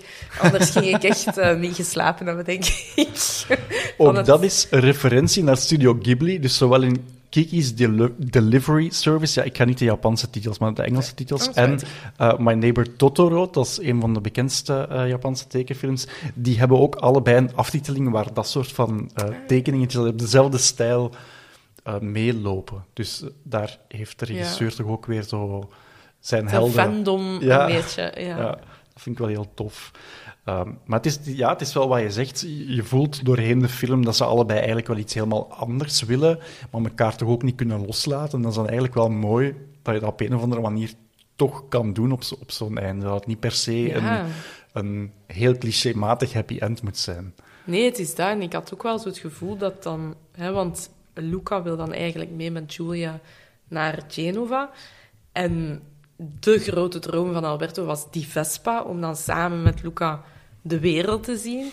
En het is dan eigenlijk Alberto die de sleutel in handen heeft, want Luca heeft helemaal geen geld voor ook een ticket naar Genova. En Alberto verkoopt zijn Vespa. Dus zijn grote droom om Luca de kans te geven om mee te gaan naar Genova. En ik vind dan heel schoon. Hij zegt dan, ja, maar ik ga wel wat bij de papa van Julia blijven. I think he needs me. En dat vind ik zo schoon, want dus het is zo duidelijk dat hij een vaderfiguur nodig heeft en dat hij die man keihard nodig heeft. Maar in zijn stoerheid en zijn ik maak mijn eigen realiteit wel, zegt hij dan... Nee, nee, ik zal wel bij die mens blijven, want die heeft me keihard nodig. Terwijl het is omgekeerd, maar dat zegt hij niet. En dan, nadien, toont hij toch nog zo heel even emotie, pakken ze elkaar vast en zegt hij, I'm okay. En dan moest ik even horen. Zo, ik dacht van, ah, oef. dat- Anders had ik niet geslapen. ja, echt. Ja. Dat is zo... Dat zegt zoveel, vind ik, dat hij dat op die manier doet. Maar zo schoon, toch? Die heeft is een hele leven van een Vespa gedroomd en dan even aan de kant zetten voor je beste vriend. Ja, ik vind dat heel mooi. Ja, en het is ook wel heel prominent aanwezig. Hè. Ik, ik vraag mij oprecht af of dat daar een soort van deal mee gesloten is dan, want het is ook wel het is, het is een merknaam. merk, hè, ja. En bedoel, in Toy Story deden ze dat ook wel, maar daar ging echt wel een hele marketing aan vooraf en, en deals sluiten, terwijl bij dit, ja, het is ook, het is ook de enige merknaam die erin voorkomt. Ja. Want ze hadden dat met heel veel dingen kunnen doen. Ja, want de pasta is een niet bestaand merk. Hè. Die wordt dan ook zo product placement gewijs gezet. Hè, van er is een sponsor van de pasta die moet gegeten worden eh, tijdens de Porto Rosso Cup. En dus ze hadden evengoed een deal met Barilla kunnen sluiten of zo. En dat dat dan... Maar dat is dan een fictief Ja. merk. Dus dan vind ik het wel grappig, inderdaad. Want ik had dat perfect geloofd als ze een ander merk van Vespa hadden geïntroduceerd hè, eh, en, en zelf iets hadden verzonnen, net zoals Porto Rosso ook een verzonnen iets is. Maar ze hebben toch gekozen, zelfs voor het logo en, en alles. Dus ja, misschien dat die dat toch En dat- geld voor gegeven hebben. Ja, of misschien zelfs niet, dat die, dat die makers gewoon zo hard wilden dat het dat was. Ja. Want ja, je kunt niet iets anders in de plaats doen, Ja, dat het voor hen gewoon niet zou uitmaken. Zo, ja, Ja. Zolang het voor hen oké is, is voor ons ook oké. ja. Want bijvoorbeeld, er, een van de cafés waar ze dan zo af en toe voorbij rijden tijdens die race, dus in eh, Porto Rosso, dat café heet La Tassa. En de, de, de visuele stijl daarvan is eigenlijk echt gewoon exact Lavazza, Ah, ja. zoals ja, de koffie. Ook daar hadden ze perfect, allee, mocht dat bestaan hebben, een deal kunnen sluiten. Van, hey, geef ons een miljoen dollar en wij gebruiken uw logo in de film. Maar Ja. ja, dat is Dat doen ze dan. duidelijk niet de, ja, duidelijk niet de bedoeling. Ook heel cool ehm, dat wanneer dat ze zo die, die eh, Vespa's in het wild zien, die hebben ook drie verschillende kleuren, namelijk groen, geel en rood. Geel en rood. Ah, de kleuren van de Italiaanse vlag. Ja. Dat vind, ja, ik vind dat, Dat is vind dat tof, tof. Ja. ik kan me niet voorstellen wat dat moet zijn om te werken aan zo'n film, want als je animator bent, dan werk je twee jaar aan één film en eigenlijk twee jaar aan misschien een reel van hooguit 30 seconden. En dat is dan uw aandeel aan de film. Ja. Dus als je er dan in kunt slagen van Ja. daar toch zo'n paar mopjes voor jezelf in te steken. Ik zou het aan mijn vrienden vertellen op café, achteraf. Zeker. Ja. Ja. Eens gekeken naar... Ik- En dan gezien en van die drie kleuren. Oei, dat, heb ik niet, eh, dat was mij nog niet opgevallen. Godverdomme. Twee jaar van mijn leven. Maar, maar zelfs alleen, en dat toont maar weer het, het oog voor detail en nu dat die toch wel daarin naar op zoek gaan. Je hebt bijvoorbeeld de grootmoeder onder water dan, Ja. die slaapt altijd met haar ogen open. Ja. Maar blijkbaar zijn er wel een heleboel vissoorten die slapen met hun ogen open. Ja, ja, Dus ook dat is zoiets van, ja, als we dan toch zoiets doen, dan gaan we het echt wel te goed doen. ja. Ja, ook die nonkel waar hij dan naartoe moet, hè, als, als straf zogezegd, omdat hij te veel met Alberto op het, op het drogen of in de mensenwereld zit, sturen ze daar dan zo'n creepy nonkel uit dan zo de echte diepe, diepe zee, waar nooit zonlicht komt enzovoort. En dat is ook een vreselijke vies. Maar er zijn... Daar leven echt zo'n soort wezens. Hè. Dat is dan zo volledig doorzichtig, blobbig ding waarvan je het hart zelfs kunt zien. En dat stopt dan af en toe, want er is te veel zuurstof. En dan vraagt die moeder zo, ja, je moet er eens goed in, in slaan. En dan komt hem er wel weer door. En dan moet hij zo echt in dat hart gaan slaan. En dan zegt hij, ah, ja, ja, ik ben er weer. En dan vertelt hij toch van, ja, de stukjes walviskarkas vliegen zo je mond in. En ah, dat is zo vies. Maar tegelijkertijd heeft dat ook wel zoiets realistisch. Want daar leven inderdaad toch zo op zo die allerdiepste diepte echt... eh, meest verschrikkelijke wereld. Maar dat is al zo de vieze onkel van Gravel, waar we Ja. de kindjes naartoe sturen als ze stout ja, zijn. inderdaad. Bah. En dan snap ik wel dat hij dan zegt, nu vlucht ik weg. Ja. Nu Ja. is het gedaan. Ja. Op zich, ja, zo de, de angst voor het andere vind ik wel dat daar ook wel heel erg Ja. mooi in zit. Hoe dat die familie ook zo... En dat zit in heel veel eigenlijk tegenwoordig in dat soort van tekenfilms. eh, ik zeg maar iets, een, een Coco waar iedereen bang is van alles wat met muziek te maken heeft, om welke reden dan ook. Er is altijd zo wel iets wat de familie samenhoudt en waar dat we allemaal tegen zijn, wat eigenlijk nergens voor nodig is. Ja. ja, inderdaad. En dat is zo... Hier vind ik dat ook nog extra mooi, omdat dus eigenlijk wel blijkt dat heel die familie op een bepaald moment, zeker die oma, hè, die gaat zelf eigenlijk heel regelmatig naar de grote mensen of de, de echte mensenwereld. En ze doet dan van ja, je moet daar niet naartoe, want uh, dat is daar nogal gevaarlijk. En, en en zo. Maar op het einde van de film blijkt dan gewoon dat hij daar al een weekend zit. En die ouders zijn daar duidelijk ook al geweest.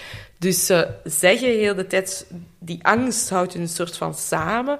Maar tegelijkertijd, als ze allemaal een keer eerlijk zouden zijn, zou iets anders hun samen kunnen houden. Maar dat doen ze dan niet. En dan blijft het die angst en dat beschermende. En dat vind ik wel iets heel herkenbaar of zo voor heel veel opvoedingssituaties ook. Dat ik zo zelf ook wel merk van, ah ja, juist, je ziet dat dat ouders vaak gewoon angst doorgeven. En dat is niet bewust, dat is met de allerbeste bedoelingen. En dat vind ik ook zo mooi dat dat in die film komt. Die ouders zijn ook prachtige figuren eigenlijk, want dat zijn helemaal geen, geen stoeme ouders of zo. Maar je snapt wel dat hij daar op een bepaald moment even van weg moet, want het is gewoon te veel en ze mhm. willen hem te hard beschermen en daardoor gaat hij niks meemaken. Hij zegt dat ook op een bepaald moment tegen Alberto, hè, van, maar je ziet heel de wereld, ik ben alleen maar in mijn, mijn hoofd bezig. En dat is zo schoon, want ja, later blijkt dan dat die Alberto ook helemaal niks weet, maar op dat moment heeft hij het gevoel van, ik moet hieruit, want ik ga anders niks anders zien dan de diepe, diepe dingen daar, waar de walviskaskassen nu in de mond vliegen, want ik ga, niet, ik ga niet mogen van mijn ouders. Ik ga niks mogen zelf ontdekken. En ik vind dat dan heel mooi dat die ouders ook een evolutie maken nadien. En zeggen van, oké, ja, ik heb dat eigenlijk supergoed gedaan. Ga maar, jongen. Het gaat ook over loslaten, heb ik het gevoel, deze film. En over, ja, ook al heb ik dus geen kinderen, ik denk dat er heel veel opvoedadvies in kan zitten. Zo, zo heb ik het een beetje gelezen. Zo van, dat je inderdaad je kinderen kunt die maar tot een bepaald moment beschermen en dan moet je ze ook wel gewoon durven lossen en misschien ook tonen dat fouten maken niet erg is en dat ook gewoon zelf je eigen dingen mocht ontdekken. En dat is zo... Dat was voor mij altijd de grootste teleurstelling in het leven, was zo volwassenheid. Ik had altijd het idee dat zo op een bepaald moment in mijn leven, ik wist ook niet wanneer dat, dat dan ging komen of zo, maar dat je zo op een bepaald moment ging zeggen, ah, en nu ben ik volwassen en nu weet ik alles. En dat je vanuit die positie op je troon dan later zelf tegen kindertjes kon gaan oreren over het leven en hoe dat je de dingen moest doen. En nu besef ik, ja, ik zit er nog altijd op te wachten. En ik heb dus ook geen kinderen, omdat ik voorlopig ook denk, ja, wat moet ik die meegeven? Maar tegelijkertijd is dat misschien net hetgeen dat meer ouders zouden moeten doen. Gewoon toegeven van, ja, daar is een andere wereld en dat is heel gevaarlijk. Maar je gaat daar toch eens willen gaan kijken. Dus misschien zijn dit en dit en dit de dingen die je moet weten. En kom het me dan maar vertellen. In plaats van te zeggen, je mocht daar niet naartoe. En als ik ontdek dat je er bent geweest, oh, dan zwaait er wat. Wauw, ik, vind, ik vind dit my, um, ja, heel confronterend. Ja, ja nee, nee. Um, ik heb als kind heel vaak gedroomd of zo willen wensen van kon ik maar vijf, zes jaar ouder zijn. Want dan was ik tenminste volwassen en had ik dit nu allemaal niet moeten doormaken. Terwijl dat is onzin, want... Ja. Ja, het is niet dat dat zo levensbedreigend is, tiener zijn en af en toe eens pijn hebben. En enfin, ja, dat hoort er gewoon nu eenmaal bij. En ik heb soms ook nog het gevoel van, ja, maar wat, wat doe ik hier eigenlijk en wie ben ik en whatever. En vanuit diezelfde ehm, onzekerheid of niet zo goed weten waaraf en waaraan, heb ik ook nooit die drang gevoeld om kinderen te hebben. Ja. En dat is iets wat je niet gemakkelijk uitgelegd krijgt. Nee, inderdaad. Ja. Um, ik heb daar ooit een, een column over geschreven voor de krant. En ik heb nooit zoveel vieze mails gekregen. Van mensen die dan ja, het nodig vinden van in hun pen te kruipen en nu een egoïstische klootzak te noemen. Terwijl, wacht, ik ben egoïstisch omdat ik niet inzit met mijn onbestaande kinderen. Ja, ja. Uh, wacht, ik snap het even niet. dus ik denk te veel na. En dat is ook iets wat in de film komt, over te veel nadenken. En overdenken. Ja. Dat vind ik ook een van de betere momenten in de film, zo dat ze dan ze gaan iets ongelooflijk stoem doen. In de zin, ze hebben een gigantische afdaling waar ze dan met een zelfgemaakte Vespa van af gaan willen rijden en je voelt aan alles. Het gaat zoveel pijn doen en het gaat zo verkeerd gaan. En dan Luca moet dan een soort van ja, broekstuk hout omhoog houden en uh, Alberto gaat van de ramp en dan zegt hij, nu gaan we eens wisselen. Nu mocht jij een keer van de Vespa vallen eigenlijk, want zo gaat het gaan. En uh, ik zal de ramp wel vasthouden. En hij zegt, ik durf niet, durf niet, durf niet. En dat is ook heel hard dat van... Ja, dat is een meegegeven van angst hebben voor alles. En, Mhm. en dan zegt Alberto van... Je moet gewoon zeggen, silencio Bruno. En hij zegt, maar wie is Bruno? En dat is dat stemmetje in je hoofd. Dat Ja. je bepaalde ja, ja. dingen beter niet doet, of dat je schrik moet hebben voor dingen, of dat je twijfelt aan dingen enzovoort. Dus je moet daar tegen zeggen, stil, Bruno, het is aan mij nu. En dat gewoon toch doen. En als jij dat dan zei over die, die kinderen, dan kwam dat ook zo ineens bij mij. Als je het inderdaad allemaal te hard over denkt, dan zet je ook geen stappen in je leven. En daar heb ik ook heel hard voor, dat ik over heel veel dingen heel lang kan nadenken. En andere mensen dingen zie doen die daar precies dan minder over nagedacht hebben of zo, maar die Mhm. ook wel heel content zijn. En dan denk ik van, die hebben misschien hun innerlijke Bruno al iets meer onder controle. Ja. En die denken niet aan elk mogelijk rampscenario Mhm. dat dat met zich zou kunnen meebrengen. Dus ik heb voor mezelf, sinds ik die film gezien heb, denk ik ook soms echt letterlijk Silencio Bruno. Dat is zo... Ik kan daar heel hard mee relaten, met zo'n zinnetje. En dan... Je zei daar juist zelfs. Ja. ja, ik zou durven tatoeëren. Maar dan gaat iedereen vragen wie Bruno is. En Maar je hoeft dat ook niet op een zichtbare plaats te nee, doen. Hè? dat is waar. Ja.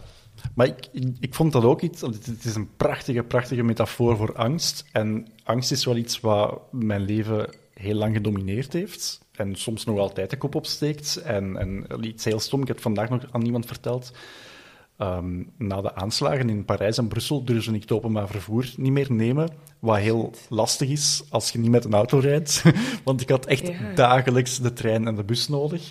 En ik heb toen ook voor mezelf iets moeten zoeken om die ja, interne Bruno te kunnen temmen. Van gast, en het is niet van. Ehm, ik, zeg, ik heb daar met slimme mensen over gebabbeld. Ik ga daar nu geen namen over noemen, maar zo eh, grote vooraanstaande Belgische filosofen die dan als grote antwoord hadden: Je moet daar niet aan toegeven, hè, Robin? Want, dan, heb- want dan hebben ze gewonnen. Ja, maar wacht, ja, maar, ja, maar wacht, nee. Ja. Maar hoe? Hoe dan? Voilà. Dat is niet uw vraag. Hè. Je weet wel dat je daar niet aan moet toegeven, maar Exact. hoe gaat je daarmee ja. om? En zo'n Silencio Bruno vind ik een prachtige metafoor Ja. voor iets waar ik zelf ook heel hard naar gezocht heb. En heel stom voor mij was dat bijvoorbeeld dat ik ben beginnen nadenken. Stel, ik ben zelf een terrorist en ik wil een aanslag plegen op deze trein. Waar zou ik dat doen?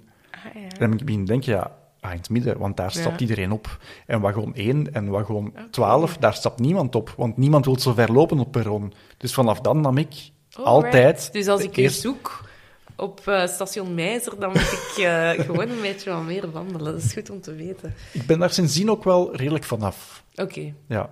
Dat heeft mij op dat moment wel heel Ja. veel mentale rust eh, Ja, gegeven. tuurlijk. Amai. Wie had ooit gedacht dat ik dit in, In een podcast Disney-podcast over Luca. over een leuke zomer van twee vrienden met dan... Twee vriendjes Ja. leren elkaar beter kennen. Ja, Nee, ja, daaraan zie je. Dat, is- dat vind ik het mooie aan... ja absoluut. Ja. ja. Je had het daar juist al even over. ehm, wat was dan die muziek op het einde? Dat weet ik zelf ook niet meer. Wat mij wel opviel in het begin, Ja, staat er heel eh, ja, typische Ja. Italiaanse opera op. En dat is eigenlijk wel heel cool. Normaal muziek in films wordt niet gehoord door de personages in de film. Dient gewoon puur om een scène te onderstrepen. Maar in dit geval stond het op met een platenspeler. Ja. En dat vind ik ook weer super cool. Dat je zo op een of andere manier zo die sfeer, die, ja, dat Italiaanse daar wilt insteken met iets levens echt. ja dat is hè. En ik, vond, ik vind die muziek... Allee, dat is inderdaad zo een beetje cliché. ehm, maar het paste daar wel of zo, omdat het ook heel cliché begint met, met een beeld van een vissersbootje in een rustige baai. Ja, je moet daar... Allee, ik was ook al blij dat het dan niet Eros Ramazzotti of zo was, want dat had zo wat kapot gemaakt. Dit Ja. is wel nog heel sfeervol en heel... Het, Het is, iemand cliché, die trots is op zijn is- Italiaanse roots, hè, die het gemaakt heeft. het is dat dus. En dan denk ik van, ja, oké, gooi er dan maar wat, wat opera tegenaan. Maakt mij niet uit. En het coole is ook dat dan, ja, die eh, zeemonsters, dat die dan, die, platenspeler duikt dan later ook nog op, hè. En die is dan kapot. En dan, dat vind ik dan ook heel grappig. Alberto zegt dan, ja, de platenspeler is kapot. Uh, werkt al jaren niet meer. En dan die Luca gaat er eens aan draaien en het is meteen gemaakt. En dan voel je zo van, ah, oké, hij is de brains en Alberto is de body. Maar... maar eigenlijk begint het wel gewoon al met het idee, waarom gaan twee vissers op een veel te klein bootje, waarom hebben die een platenspeler mee? En dat is het prachtige van Pixar, dat je ondanks dat in minuut één toch volledig mee zit met zo'n verhaal. Is... Ja, ja, want inderdaad. dat houdt geen steek. Nee. Dat is nergens voor nodig. Nee, ik kan me dat altijd niet afvragen. Maar nu je het zegt, nee, het slaat helemaal nergens op. Ik heb gelezen dat ze van plan waren om Ennio Morricone te vragen voor de soundtrack, maar die was helaas net overleden op het moment dat ze de vraag konden stellen. Uiteindelijk is een, een zekere Dan Romer geworden uh, die het gedaan heeft. Iemand die wel wat uh, streepjes verdiend heeft in Hollywood, maar nu ook niet de grote filmcomponist of zo. Maar ik vind het wel heel, heel toepasselijk. Het is zodanig cliché dat het zo weer goed wordt of zo. Allee, ja. Of zo ja. Ja, ik vind dat ook. Het, is, het past zo hard bij gewoon heel de sfeer die ze willen zetten van... Ah ja, Italië en vakantie. En uiteindelijk, allee, ja, ik zal voor mezelf spreken, maar hebben we niet allemaal zo een foute vakantieplaylist met echt de grootste cliché-muziek? Als je richting Italië of Frankrijk of Spanje rijdt, ineens vind je al die dingen ook goed. Ja. En, want dat past bij de, bij de vibe van dat moment. Terwijl... Ja? Bij mij is dat gewoon de playlist van Call Me By Your Name. Ah. zo, al die dansnummers, wanneer als ze zo op dat Italiaans plein... Ah, ik, vind dat, ik blijf dat fantastisch vinden, waarmee ik nu echt geen vergelijking met mezelf wil maken met die personages of zo. Nee, maar, maar dat is een film die mij zo hard op alle vlakken geraakt heeft. En ik herken dat ook op een iets mindere manier, maar ook wel echt in deze film. En ik zat mij af te vragen, gisteren met opnieuw te bekijken, was ik nu als kind eerder een Luca of een Alberto, een beetje zoals je bij Call Me By Your Name ook zo. Je hebt, je hebt een Army Hammer nodig om een andere uit zijn kot te lokken en zo wat meer te durven. Ik denk dat ik meer zo de Luca was. Oh, ik ook. Die, Zonder twijfel. Ja, ja. Niet één duwtje, maar zo 89 een stoemp nodig had. Ja. ja, ja, ja, sowieso. En dat, dat is ook iets wat me er ook in aanspreekt, dat het zo een soort van ode toch aan de underdogs is. Ze noemen zichzelf op een bepaald moment ook zoals ze die Julia dan tegenkomen. Ze zijn eigenlijk met hun driekjes toch zo wat... Ja, de rare... Ja, en dat, ook dat is mooi. Zij heeft van in het begin door... Hier klopt iets niet met die twee boys. En toch gaat hij daar volledig in mee. En eigenlijk kan het daar niet schelen wie dat die zijn, van waar dat die komen. Nee, we zijn alle drie underdogs. Ja, en... Voilà. en dat bindt ons. Ja. En dat is misschien ook omdat ik dat persoonlijk in het middelbaar... Dus ik ben... Ehm, van mijn eerste tot mijn derde middelbaar heb ik wel nog op ASO gezeten en ben ik eigenlijk behoorlijk gepast geweest. En ik heb toen ook een soort van vriendschap gevormd met drie andere meisjes die eigenlijk op dat moment op niks anders gebaseerd was dan wij vonden ons alle vier echt niet goed. En, want nu spreken wij elkaar ook niet meer, omdat wij, wij hebben elkaar nu niet meer nodig. Dat is erg om dat op die manier te zeggen, maar op dat moment in ons leven hadden wij elkaar gewoon nodig om elkaar recht te houden en om zo het gevoel van, oké, mensen begrijpen ons niet, mensen vinden ons raar, wij horen er niet bij duidelijk. Waarom is niet duidelijk. Maar het enige dat wel duidelijk is, is dit is alles wat we hebben. Dus we gaan er het beste van maken. En wij zijn samen beginnen zitten en staan in, in, op de speelplaats of in lessen werden wij dan ook zomaar wat samengezet. Dat was één meisje dat, maar drie woorden zei. Dat was ja, nee of misschien. En soms zei ze ook ik weet niet. En dat was alles. En die werd dan bij mij gezet en ik had ineens het gevoel van ah ja, oef, nog een andere stille underdog die totaal onbegrepen is. Dus oké, je zegt niet veel, maar I'll take it. Het is goed. We zullen... En zo hebben wij elkaar eigenlijk gewoon ja, erdoor geholpen of zo. En daar herkende ik wel heel hard in dat ding van die drie, zo van we weten niet veel over elkaar, maar we voelen wel meteen aan van jij hoort er niet bij, ik hoor er niet bij. Ah wel, dat is goed. Ja. Dan is dat toch hetgene wat ons verbindt. En eigenlijk wel heel confronterend aan het einde een beetje wat je zelf zegt, van ja, zo'n vriendschappen verwateren dan ook wel omdat we gewoon verder in het leven staan. Ook dat is eigenlijk heel symbolisch in deze film. Ja. Los van de aftiteling, maar eigenlijk van ja... ja, we hebben gewoon en, elk iets anders en, nodig. En merci. Ja. En merci om dat voor, voor mij of voor elkaar te kunnen betekenen. En, ja. Oeh. Ja, ja inderdaad. Ja. Maar ja, dat is dus ook een van mijn stokpaardjes. Maar daar moeten we het misschien eens een andere keer over hebben. Is dus dat je het ook zou moeten kunnen uitmaken met vrienden. En ik vind... Zij maken dat niet echt uit in de zin van... Het gaat niet meer tussen ons en het is kletter en de ruzie. Maar je voelt wel... Het is gedaan. Het zal nooit meer hetzelfde zijn. En dat is oké. want op die manier kun je ook uiteengaan met mensen. Namelijk, en ik vind dat wel schoon dat dat ook even getoond wordt. Van, ah ja, inderdaad, vriendschappen hebben soms een houdbaarheidsdatum. En dat is niet per se erg. Dat is ook weer zo een ideaal dat uh, mensen ons hebben ingepeperd van het moet altijd voor eeuwig en dit en dat. En ja, nee, soms niet. En dat moet je ook zelf ontdekken. Want uw mama en uw papa kunnen u dat uitleggen, maar dat gaat niet helpen. Dus... Ja, en zelfs als zij het ooit hebben meegemaakt en u daarvoor willen beschermen, ja, moet je het nog altijd gewoon... Je moet het zelf doen. De bluts met de buil. Ja.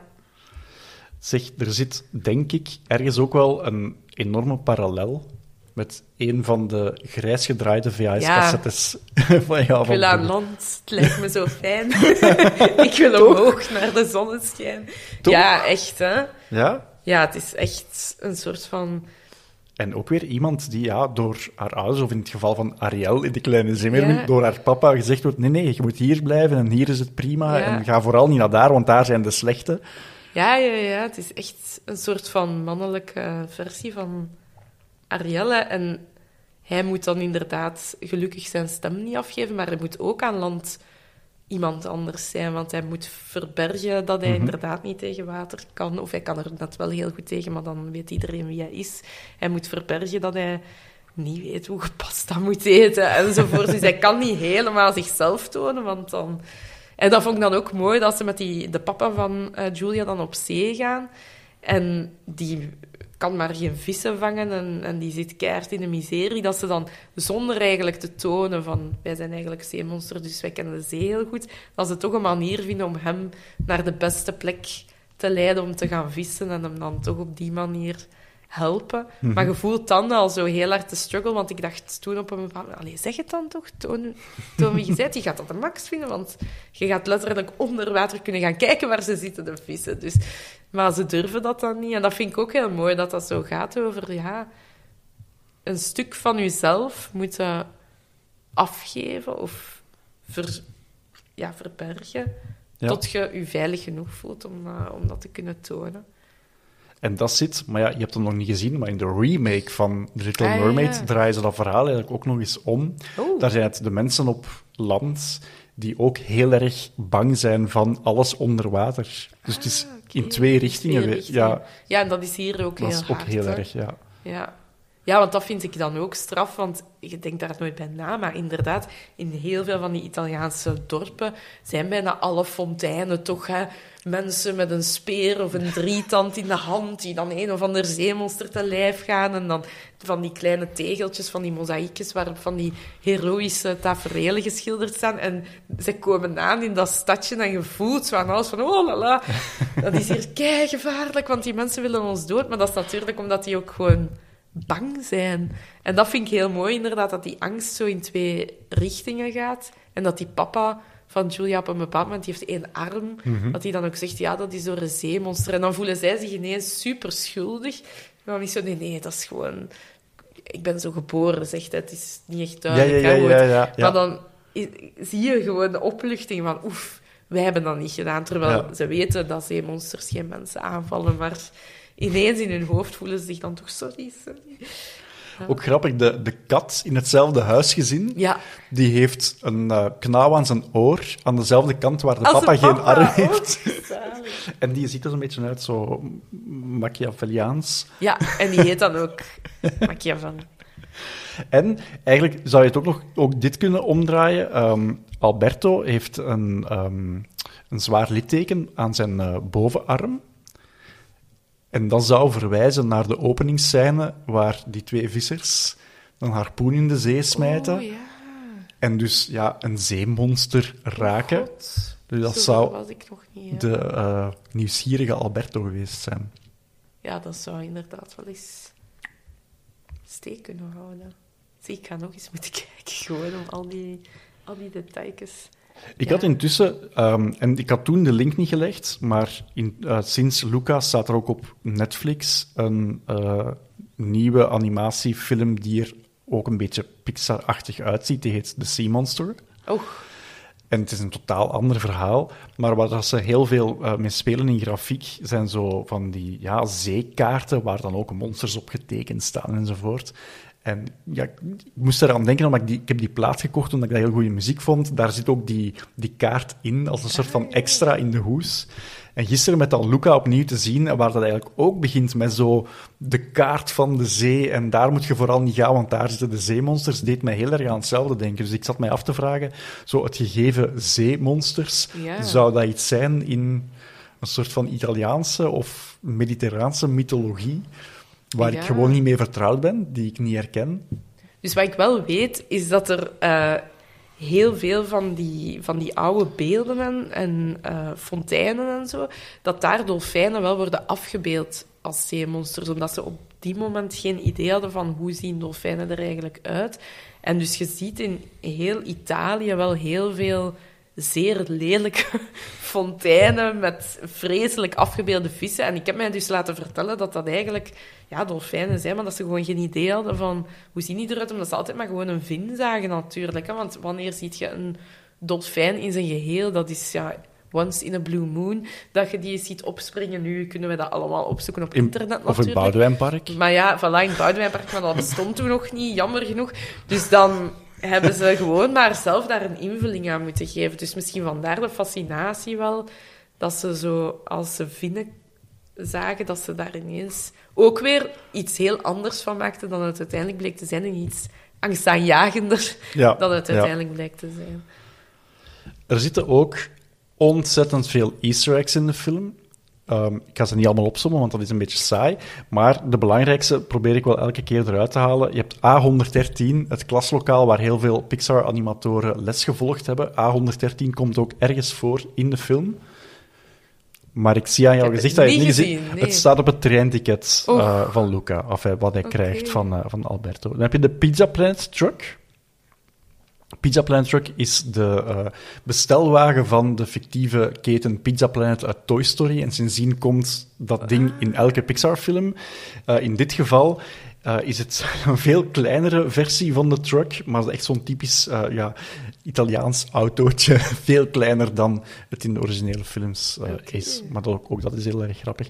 En de bal, de bal eh, Luxo Junior, waar zo ooit een, een kortfilm van gemaakt is met zo'n lamp die op een bal springt en dan wordt de bal plat. De lamp is gerecupereerd in het logo van Pixar, maar de bal zit in elke film.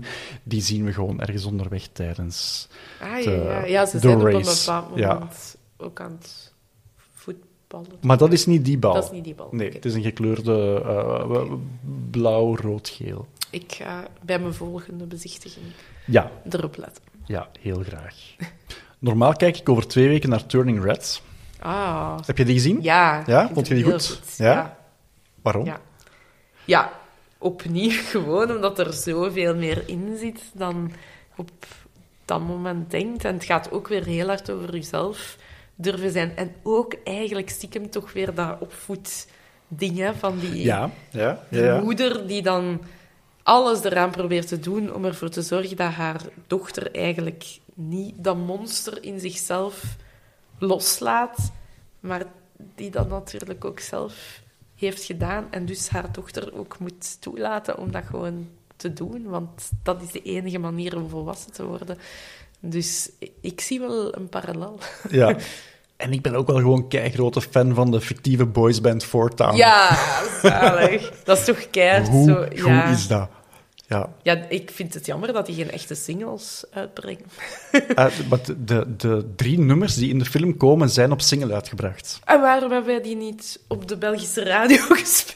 Ja, dat is, dat is een heel goede vraag. Dat is een vraag die ik eigenlijk liever aan jou zou willen Ja, stellen. sorry. ik heb Dat zat, gemist. niet, dat zat niet in Vox. Nee, ik zal het eens op de playlistmeeting eh droppen en dan waarschijnlijk krijg ik je werkt voor de verkeerde zender. Ja.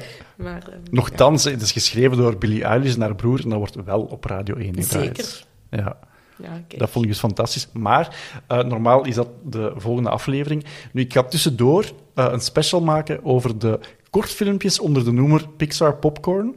Oké. Dat zijn eh, korte filmpjes op Disney Plus van bestaande personages, maar dat is eigenlijk een excuus om een keer eens een podcast te maken met mijn petekindje. Oh, Dus we gaan die samen kijken. tof. Dus dat is voor over twee weken. Maar daarna Turning Red. Alright. En dan hoop Ja. ik dat je tegen dan erin slaagt. Tegen dan is het bijna zomer. Dus dan kan je dan misschien gewoon eens moffelen in de playlist van Sporza Tour. Ja. Moet Dan luistert er toch niemand, want het is zomer. Dan luistert er toch niemand, want het is koers en dat volgen mensen graag op tv. Nee, nee. En is er toch niemand aan het werk, dus niemand gaat het gehoord hebben. Dan gaan we Nee. dat gewoon doen. Ja, is goed. In ons programma, anders waarom moet dat in Sporza Tour? Oké, We gingen toch een gewone show maken? vanaf augustus. Oké, top. Elke week of elke weekdag? Nee, eh, daar moeten we nog eens over brainstormen. Ja. Er is nog Aperol, heb ik gezien. Dus, we kunnen daar we kunnen daar zo nu meteen over nadenken. Ja, maar ehm, nee, grote dank. Alsjeblieft, met heel veel plezier.